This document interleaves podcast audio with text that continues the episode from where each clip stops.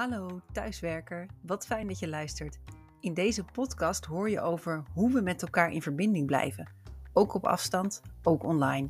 Want hoe kunnen teams en organisaties werken aan werkgeluk terwijl we met z'n allen remote en hybride werken? Elke week spreek ik met experts op het gebied van tools, technieken en werkvormen. Mijn naam is Jasmijn Mioch en ik ben de gelukkige thuiswerker. Als facilitator van online sessies zie ik in de praktijk dat het kan. Jezelf zijn, bevlogen zijn, een team zijn, ook in online tijden. Welkom bij de gelukkige thuiswerker.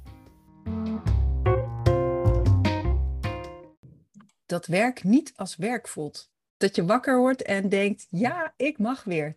Dat is waar Gonnie Vink zelf elke dag voor opstaat. Gonnie is oprichter van Work21 en houdt zich bezig met werken in de 21ste eeuw. En zij kreeg al de titel Chief Happiness Officer van haar eigen medewerkers voordat het hip was. Gonnie, van harte welkom bij uh, De Gelukkige Thuiswerker. Ja. Jij, uh, ja, leuk dat je er bent. Past echt perfect bij, bij het thema, want jij hebt ook een boek geschreven. Je bent co-auteur van het boek Samenwerken op afstand. En je vertelde mij net, dit boek moest er echt komen. Waarom? Nou, er is al wel veel geschreven over hybride werken. Maar voor mij gaan veel van die boeken over wat, je, wat dat betekent voor medewerkers, maar niet hoe je dat als organisatie goed doet, hoe je organisatie inricht, eh, maar ook hoe je verander, veranderaanpak kiest die daarbij past. Dus uh, vandaar dat boek. Want voor mij uh, reikt het veel verder dat alleen maar medewerkers die zeggen, ja, ik wil kunnen kiezen, ik wil vrijheid hebben waar ik kan werken. Maar het betekent ook wat voor de klant, waar je uiteindelijk het werk voor doet. Dus dat vraagt echt om veel meer. Ja, en wat, wat, wat zie je bijvoorbeeld gebeuren in organisaties die worstelen met hybride en thuiswerken? Wat, wat gaat er nu mis? Nou, ik zie dat heel vaak de discussie gaat over hoeveel dagen mensen thuis mogen werken of op kantoor. En ik vind dat eigenlijk een non-discussie. Voor mij zou het veel meer moeten gaan over welk werk heb je te doen met elkaar en hoe kun je dat slim organiseren in een digitaal tijdperk. Dus dat betekent dat er gewoon veel mogelijkheden zijn, maar je moet wel zo kijken. Ja, want ik, ik ik kom zelf heel veel bij organisaties. Ze praten ook over hybride werken met organisaties. En heel vaak is het van er is beleid, 50% op kantoor, 50% thuis. Waarom werkt dat niet volgens jou? Nou, ik denk, kijk, als je, het is natuurlijk fijn als mensen ook naar kantoor komen. Alleen ik denk dat het wel van meerwaarde moet zijn om naar kantoor te gaan. Uh, dus als het wordt opgelegd van bovenaf, dan vinden mensen dat überhaupt al lastig. Uh, maar ook, ja, dan kan het net zijn dat ik er een dag ben, vervolgens de hele dag in online meetings ga zitten. Of dat de collega die ik eigenlijk nodig had en niet is die dag. Dus het gaat veel meer over van waarde zijn om op kantoor te zijn. Ja, ja, mooi dat je dit noemt en ik herken dit ook heel erg. Ik ben zelf een gelukkige thuiswerker, maar ook een hybride werker. Dus ik kom ook één dag per week op kantoor. Op donderdag is mijn dag.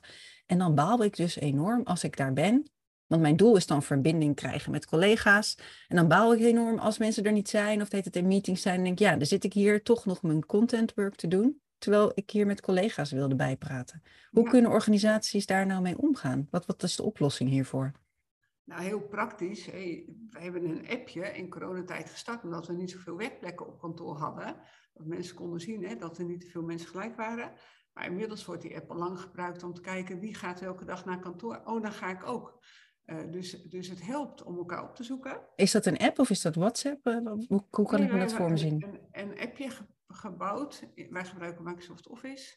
En uh, daar heb je de mogelijkheid om appjes in te bouwen. En daarmee hebben we een, een appje gebouwd. Dus, gebouwd. dus gewoon op je telefoon. Een soort schema van wie, wie is ja. wanneer waar. Ja. ja. oh mooi. Dus jullie weten altijd wie waar werkt. Ja, ja. ja. En dat is niet vastgelegd van je bent er altijd maandag of je bent altijd donderdag. Nee, elke week moet je hem opnieuw invullen. Ja, en werkt dat? Zien, zien jullie ook hoeveel mensen werken er bij, jullie organisatie, bij Work21? Ja, wij hebben 20 mensen. En uh, ja, je ziet dan dus echt welke mensen op welke dagen er zijn. Of een dagdeel bijvoorbeeld vullen ze in. En dat trekt aan. Dus dat, hè, ik hoor organisaties ook vaak moppen dat ze zeggen... ja, maandag, dinsdag en donderdag zijn hele drukke dagen. En woensdag en vrijdag niet. Nou, ik ga juist graag op die dagen naar kantoor. Omdat ik dan vaak ook wat meer ruimte heb om het gesprek te hebben. Zeker op vrijdag is dat ook echt een fijne dag.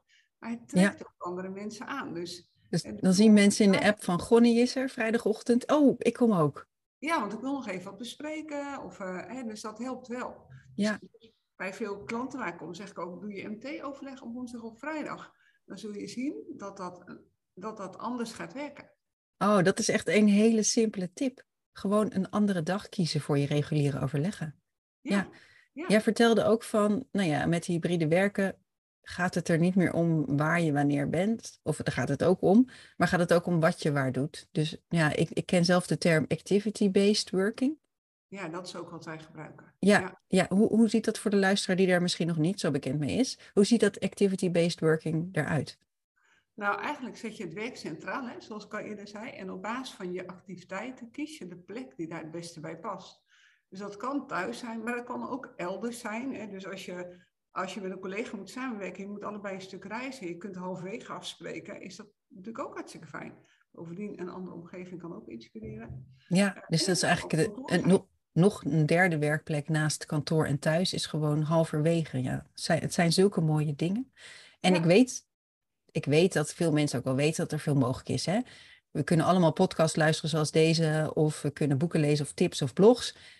Ik geloof, we zijn inmiddels best wel ver en veel mensen hebben wel ideeën hoe het anders kan. En wat ik merk is dat juist het implementeren van bijvoorbeeld op woensdag vergaderen of uh, allemaal trouw die app invullen, dat dat vaak lastig is.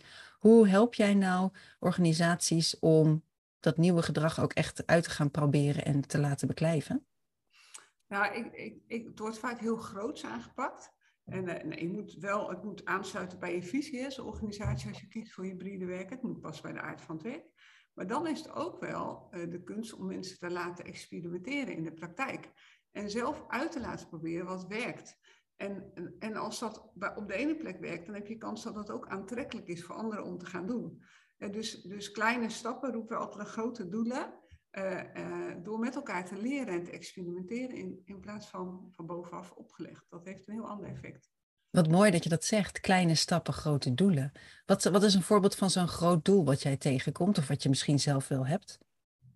Nou, je, je wil natuurlijk wel dat mensen verbonden zijn hè, in een organisatie. En dat, en dat is eentje die ik heel vaak hoor. We missen de verbinding. Ik weet niet of jij het hebt. Ik heb wel vrienden, vriendinnen die ik maar heel weinig zie. En als je ze weer ziet en spreekt, dan is het alsof je ze gisteren ook had gesproken. Ja, zeker heb ik dat soort vrienden. Soms zie ik hem maar... Ik heb nu afgesproken met de ene, die zie ik één keer per kwartaal. Dan gaan we een hele dag wandelen. Dat is perfect. Dat is heerlijk. Ja, ja. En, en je voelt je niet minder verbonden. Nee. Dus vaak wordt gezegd, ja, maar mensen moeten zo van naar kantoor, want anders is de verbinding echt. Terwijl ik denk, als je kiest om bij een organisatie te werken, dan verbind je je ten eerste vanwege de leuke baan en de inhoud van het werk. Uh, dus, dus verbinden gaat niet alleen maar over, ik heb fijne collega's, maar gaat ook over hebben met elkaar iets te doen. Ja, dat over dat doel. Ja. dat gemeenschappelijk doel. Dus als dat elke keer ook maar terugkomt, uh, helpt dat al enorm. Ja, ik begin te lachen omdat ik even aan een anekdote van mezelf moet denken. Want ik heb uh, in het verleden regelmatig gesolliciteerd. en dan stelde ik altijd de vraag, wat is de lunchcultuur hier? Omdat ik juist heel erg hou van gezelligheid met collega's. Ja, gelukkig thuiswerken of niet. Ik hou ook van gezelligheid met collega's en gezellig lunchen. Dus die lunchcultuur was voor mij een indicatie van... is dit een fijne plek om te werken? Dus daarom moest ik even lachen. Maar die verbondenheid, dat herken ik heel erg. Ik vind het ook heel mooi wat je zegt, Gonnie. Dat verbondenheid niet gaat over kwantiteit. Hoe vaak zie je elkaar, maar over kwaliteit. Ja. Hoe zouden organisaties, werkgevers... die kwaliteit van de connectie kunnen verbeteren? En dus niet zeggen je moet 50% op kantoor, want dat werkt niet. Wat, wat kunnen ze wel doen? Nou, het is denk ik in teams belangrijk dat je met elkaar het gesprek hebt over wat hebben we te doen, hoe kunnen we dat zo goed mogelijk doen en dat je rekening houdt met elkaar. En ik zie wel dat soms mensen zeggen, ja, maar ik kan, ik kan mijn eigen werk prima alleen doen. Maar, maar je bent onderdeel van een grote geheel. Daar heb je voor gekozen als je kiest voor een organisatie. Uh, en, en, vaak zijn het ook nog eens mensen met een bak werkervaring. Dus hartstikke fijn als die er ook zijn om met collega's spontaan uit te wisselen die die ervaring nog niet hebben. Ja. Uh, dus dat betekent dat je elkaar wel beter moet leren kennen. En voor, voordat elkaar beter kennen is nou, zo'n lunch die je net noemt natuurlijk ideaal. Uh, uh, maar maak het, maak het bijzonder om, om te komen met elkaar dingen te doen. Dan komen mensen echt wel. Ja, ja, we hebben het gehad over grote doelen. En dan noemde jij verbondenheid. Nou, dat vind ik echt heel mooi dat je dat zegt. Dat vind ik zelf echt een extreem belangrijk thema. En ik denk alle organisaties die luisteren ook. Je had grote doelen, kleine stappen. En we hebben het over een paar kleine stappen gehad. Dat is bijvoorbeeld een app, zodat je weet wie waar werkt. Maar ook zorg dat je kwalitatieve bijeenkomsten hebt waar mensen elkaar echt leren kennen. Dat kan bijvoorbeeld een lunch zijn, maar zijn er nog andere middelen waarop dat dat kan? Ja, wij doen drie keer in de week een dagstart. Uh, en ik vind dat dat een mooi voorbeeld. Voor, voor de hele pandemie deden we dat één keer in de week. Um, en in de start deden we het elke dag en nu doen we het drie keer in de week. En dat is een mooie modus. Niet iedereen is er altijd bij. Maar vanmorgen hadden we echt een grote groep. Uh, en hij duurt een half uur, half negen tot negen uur. En online neem ik aan, want uh, voor de luisteraar, wij spreken elkaar nu online. En jij bent zo te zien thuis en ik ook. Dus je hebt jouw collega's ook online gesproken bij die ja. dagstart. Ja, en bij de dagstart zijn er mensen die al op kantoor zijn. Er zijn mensen nog onderweg. Er zijn mensen die in het OV zitten en zeggen: Ik doe alleen in de chat mee. Er zijn ook mensen die gaan buiten gaan wandelen tijdens de dagstart. Dus gewoon oortjes in wandelen en dan zien we alles voorbij komen. En als ze aan de beurt zijn, dan lopen huis. En wij bespreken in onze dagstart drie dingen. Uh, wij hebben het altijd over onze LPG. En LPG gaat natuurlijk over gas. Nou is in deze tijd misschien een beetje een lastig onderwerp. Maar hij gaat over, over energiek je dag starten. En de L staat eigenlijk altijd voor wat heb je geleerd afgelopen dagen. Dus is er een les die je met, ons wil, met, met je collega's wil delen, wat je hebt geleerd, of een succes wat je wil vieren met je collega's. Dus dat kan allebei zijn. En er komt dan iedereen aan het woord ook? Iedereen kan, komt aan het woord, ja. Dus stel je voor, jullie zijn compleet met z'n twintigen, dan is dat een behoorlijk lang rondje. Of wordt het in de chat gedeeld? Nee, die LPG spreken we echt uit. Hè. Vanmorgen okay. was bijna iedereen er. Dus dan uh, is het ook echt om negen uur uh, uh, klaar. En mensen houden daar rekening mee, want iedereen moet om negen uur met de klant dingen doen. Ja. Maar we, we noemen onze LPG en geven ook dit stokje door. De, de, de, P gaat over wat ga je doen en gaat niet over, oh ik ga dit doen vandaag en morgen ga ik dat doen. Maar veel meer over, ik heb iets nodig van een collega, die kan me helpen. Of ik heb hulp te bieden, of ik heb iets bijzonders te melden. Dus het gaat eigenlijk meer over de, de bijzonderheden. En dan ja. geeft het ook altijd over gezondheid. Hoe zit je erbij? Oh, fijn. Het is een hele mooie om te stellen, denk ik zelf. Van hoe zit je erbij? Ik stel hem zelf ook heel graag. Maar ik kan me ook voorstellen, nou ja, jullie hebben waarschijnlijk een hecht team. Dat kan ik me zo voorstellen. Maar dat het voor sommige mensen, teams die hiermee willen starten, lastig is om zo'n vraag te stellen. Hoe zit je erbij qua gezondheid? Of, of meer, je komt natuurlijk ook veel bij organisaties, bij klanten. Hoe reageren die als je bijvoorbeeld dit als tipt? Ja, ik hoor vaak dat zeggen, ja, maar we hebben het vooral over de inhoud. Mm -hmm. uh, en het is natuurlijk wennen. Je moet, ik denk, het is starten. En precies met het experiment, je moet het een poosje volhouden, omdat het dan uh, mensen moeten het eigen maken. Maar leidinggevenden hebben hier, wat mij betreft, ook een cruciale rol in, want die hebben een belangrijke voorbeeldrol. Dus als jij jouw lessen, geleerde lessen uh, deelt, dan stimuleer je anderen om dat ook te doen. Als jij deelt hoe het met je gaat, of waar je tegenaan gelopen bent, of er iets was thuis wat je, je werk beïnvloedt, dan gaan anderen ook meedoen. Maar als je dat nooit doet, ja, dan, dan sluiten mensen zich ook meer af. Dus het is, ja. als je een experiment doet, een poosje volhouden, maar ook voorbeeldgedrag is ook. Ik vind het heel mooi dat je dit noemt, wat de rol van de manager daarin is. Ik, ik heb natuurlijk al heel wat afleveringen van de Gelukkige Thuiswerker opgenomen en veel meer gasten zeggen de rol van de leidinggevende is ook het goede voorbeeld laten zien en zichzelf openstellen. Want als de manager zich openstelt, dan gaat de rest van het team mee. Ik vind het heel mooi dat je dat zegt. Ja, we hebben het gehad over de rol van de manager, over kleine, kleine stappen, grote doelen. En je vertelde me voordat we aan de, de opname begonnen, vertelde me je dat je al de titel Chief Happiness Officer hebt gekregen van je eigen medewerkers, al voordat het hip werd. Hoe lang geleden is dat ongeveer? Ja, mijn bedrijf bestaat nu 15 jaar, misschien wel 10 jaar geleden of zo. Ja, toen kenden we de mensen, de Chief Happiness Officer, kenden het nog niet. Het wordt nog steeds een beetje lacherig over gedaan, maar steeds minder gelukkig. Waarom kreeg jij uh, die titel? Ja, ik, kijk, ik heb een hele simpele overtuiging. Ik denk als mensen doen waar ze in geloven en als mensen werk doen waar ze blij van worden, dan hoef ik niet te managen. Uh, dus uh, voor mij is het echt een leidend principe van mijn eigen organisatie. Um, uh, uh, en nou ja, dat zie je dan ook terug. En ook daarin hè, zit denk ik ook wel voorbeeld.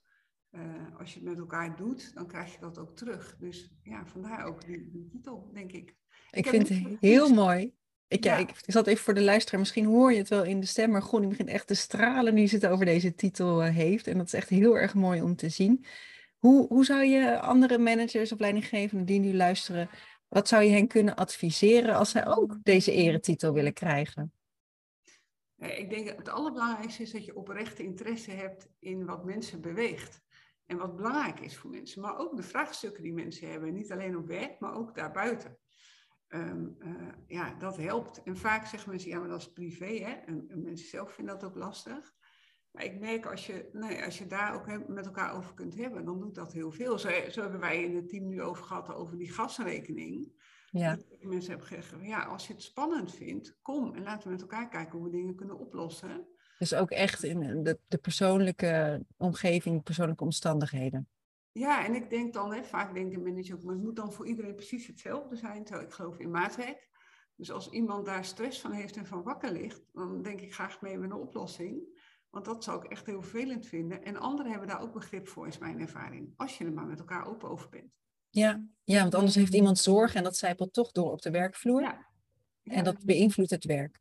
We hebben het gehad over kleine stappen, grote doelen. En een van de grote doelen die jij natuurlijk afgelopen periode hebt gehad, is het boek schrijven met je collega's, met je co-auteurs, het samenwerken op afstand.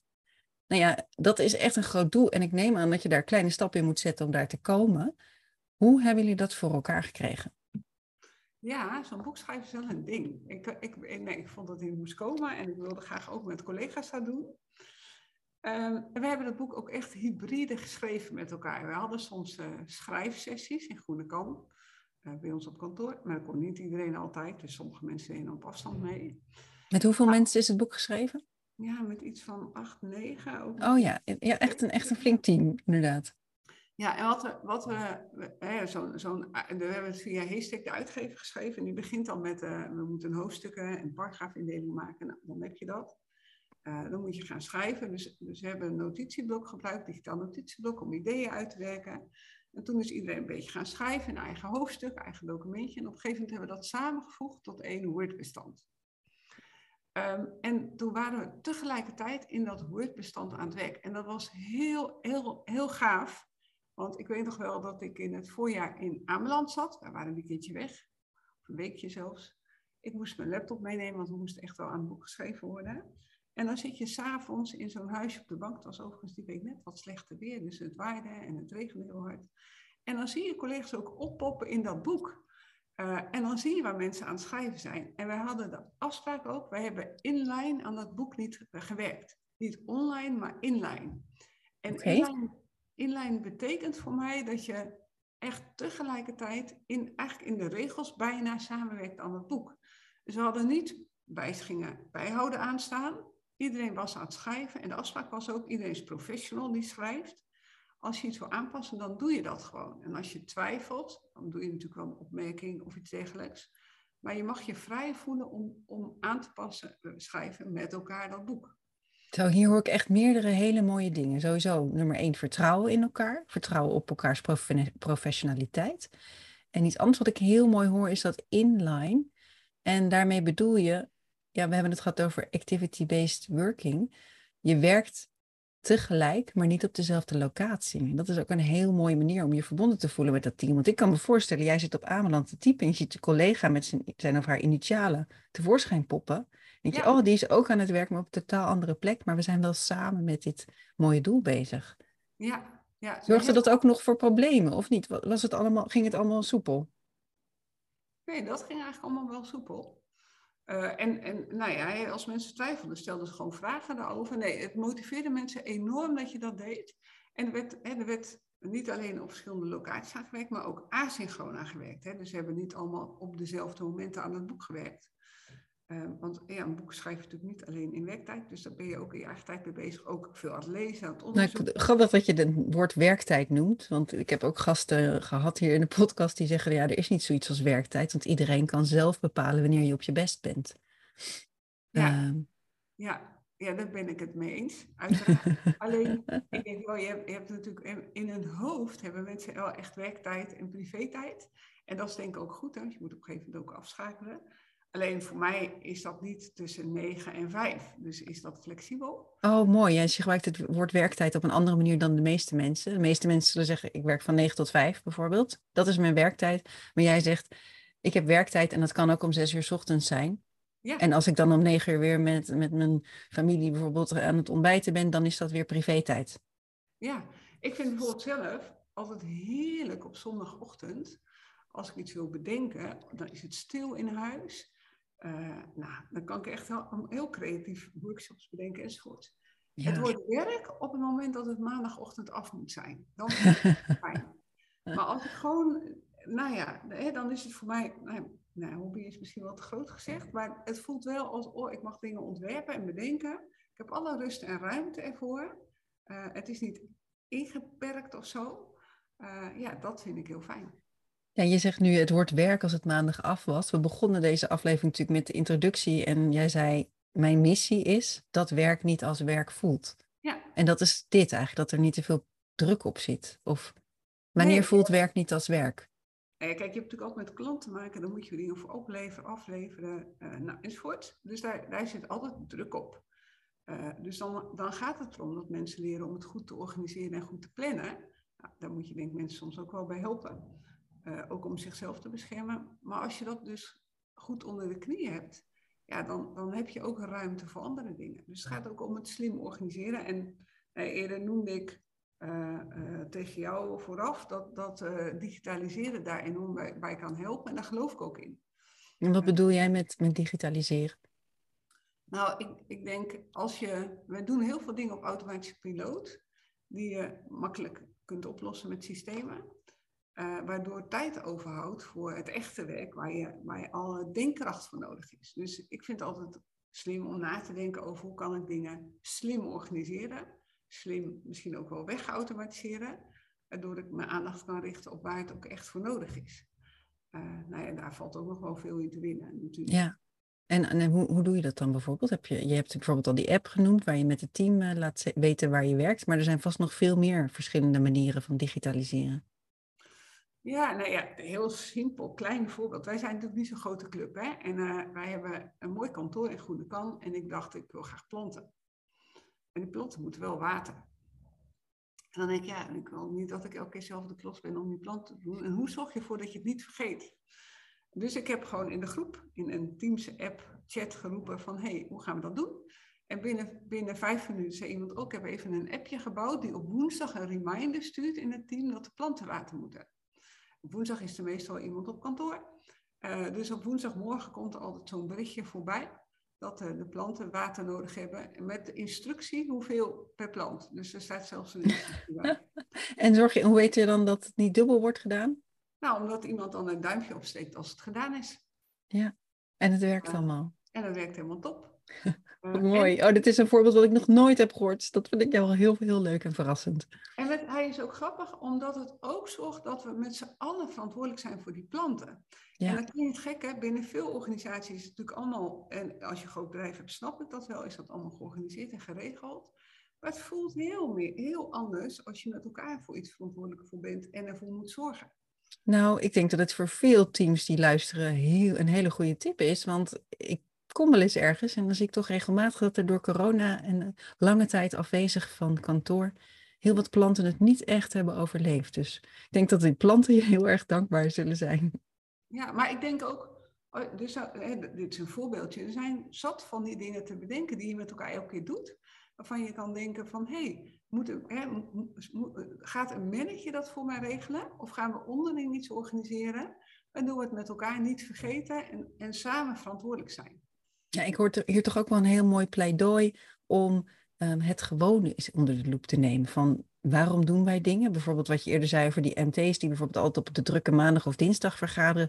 Ga ze op een woensdag of vrijdag vergaderen. Het is een heel mooi pleidooi om anders te kijken naar je routines en je werkzaamheden. Ja. Ik heb altijd een vaste vraag, Gonnie. En dat is, heb je nog boekentips? Nou ja, ik neem aan dat je één boek in ieder geval wilt noemen, maar misschien heb je nog meer boeken. Nee, ja, ik ga natuurlijk samenwerken op afstand noemen, hè, ons boek. Um, en uh, dit, is, is ook wel leuk, er is een website van. Die heet ook samenwerkenopafstand.com met gewoon tips. We, hebben tien, tien, tips, zetten we erin over hybride werken. Uh, en die staan ook op de website, dus daar kunnen mensen voordeel mee doen. En uiteraard is het natuurlijk een hybride werken boek. Want er hoort ook een site, eh, achter op die site staat allerlei informatiemodelletjes waar mensen gewoon lekker zelf mee aan de slag kunnen. Dus dat... Oh, lekker praktisch, daar hou ik enorm van. Als je nou zegt, uh, mensen die hebben het boek misschien nog niet, wat, wat is de grootste, het grootste ding, punt uit het boek op afstand, samenwerken op afstand, wat je mee wil geven aan de luisteraar? Wat, wat is dat ene ding wat ze zouden moeten onthouden? Oeh, nou, het begint bij vertrouwen, daar hebben we het eerder over gehad. Dus die is echt voorwaarde om op afstand te kunnen werken. Ehm, een andere is, en dat is wel een mooi principe, working out loud, hardop samenwerken. Als je op afstand werkt, zorg dat kennis en informatie stroomt door hardop samen te werken. In plaats van dat iedereen alle kennis voor zichzelf houdt. Wat een ontzettend mooie tip. Ja, dan moet ik even denken aan een anekdote. Ik werk thuis vandaag en toevallig zie ik mijn partner hier de trap oplopen en wij werken, wij doen, wij kijken altijd 2 voor 12, die quiz op vrijdagavond. Nou, iedereen zal het kennen. En wij gaan altijd dat woord raden heel snel. Eigenlijk al voordat er letters zijn gekocht, willen wij dat woord al raden. Dat lukt ons door samen te werken, door hardop na te denken, door te delen wat we zien. Uh, en op die manier lukt het ons heel vaak om het woord heel snel uh, te vinden. Maar dat is precies waar ik aan moet denken als jij zei, uh, je mooie zin. Wil je hem nog een keer herhalen? Ja, working out loud. Dus working out loud. Ja. Ik zie ook een mooie titel voor deze podcastaflevering. We zijn ook alweer bijna aan het einde van deze aflevering, Gonnie. En ik heb altijd een vaste vraag. En ik, ja, net als bij de vorige vraag, de boekentips, denk ik dat het antwoord uh, al duidelijk zal zijn. Maar ben jij zelf een gelukkige thuiswerker? Ja, ik wel. Vandaag werk ik thuis, of vanmorgen in ieder geval. Vanmiddag ga ik naar het land. En het is zo fijn, zo'n heerlijk stil huis vandaag. Iedereen is de deur uit. Uh, en, maar ik ben ook blij dat ik vanmiddag weer op pad kan uh, om op locatie te doen. Dus de mix, dat is waar het me om gaat. Ja, ja, ik zag er ook over. Misschien moet de titel van deze podcast eh, De Gelukkige Hybride Werker worden. Maar dat ja. bekt lang niet zo lekker. Dus dankjewel, Gonnie Vink van Work 21.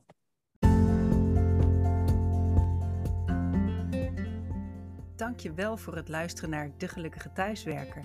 Heb jij zelf tools en tips die iedereen moet kennen? Laat het me weten. Of heb je een prachtig praktijkvoorbeeld? Bel me dan gerust. Vond je deze podcast de moeite van het luisteren waard? Laat dan een review achter en deel de podcast in je netwerk of op social media. Veel geluk iedereen!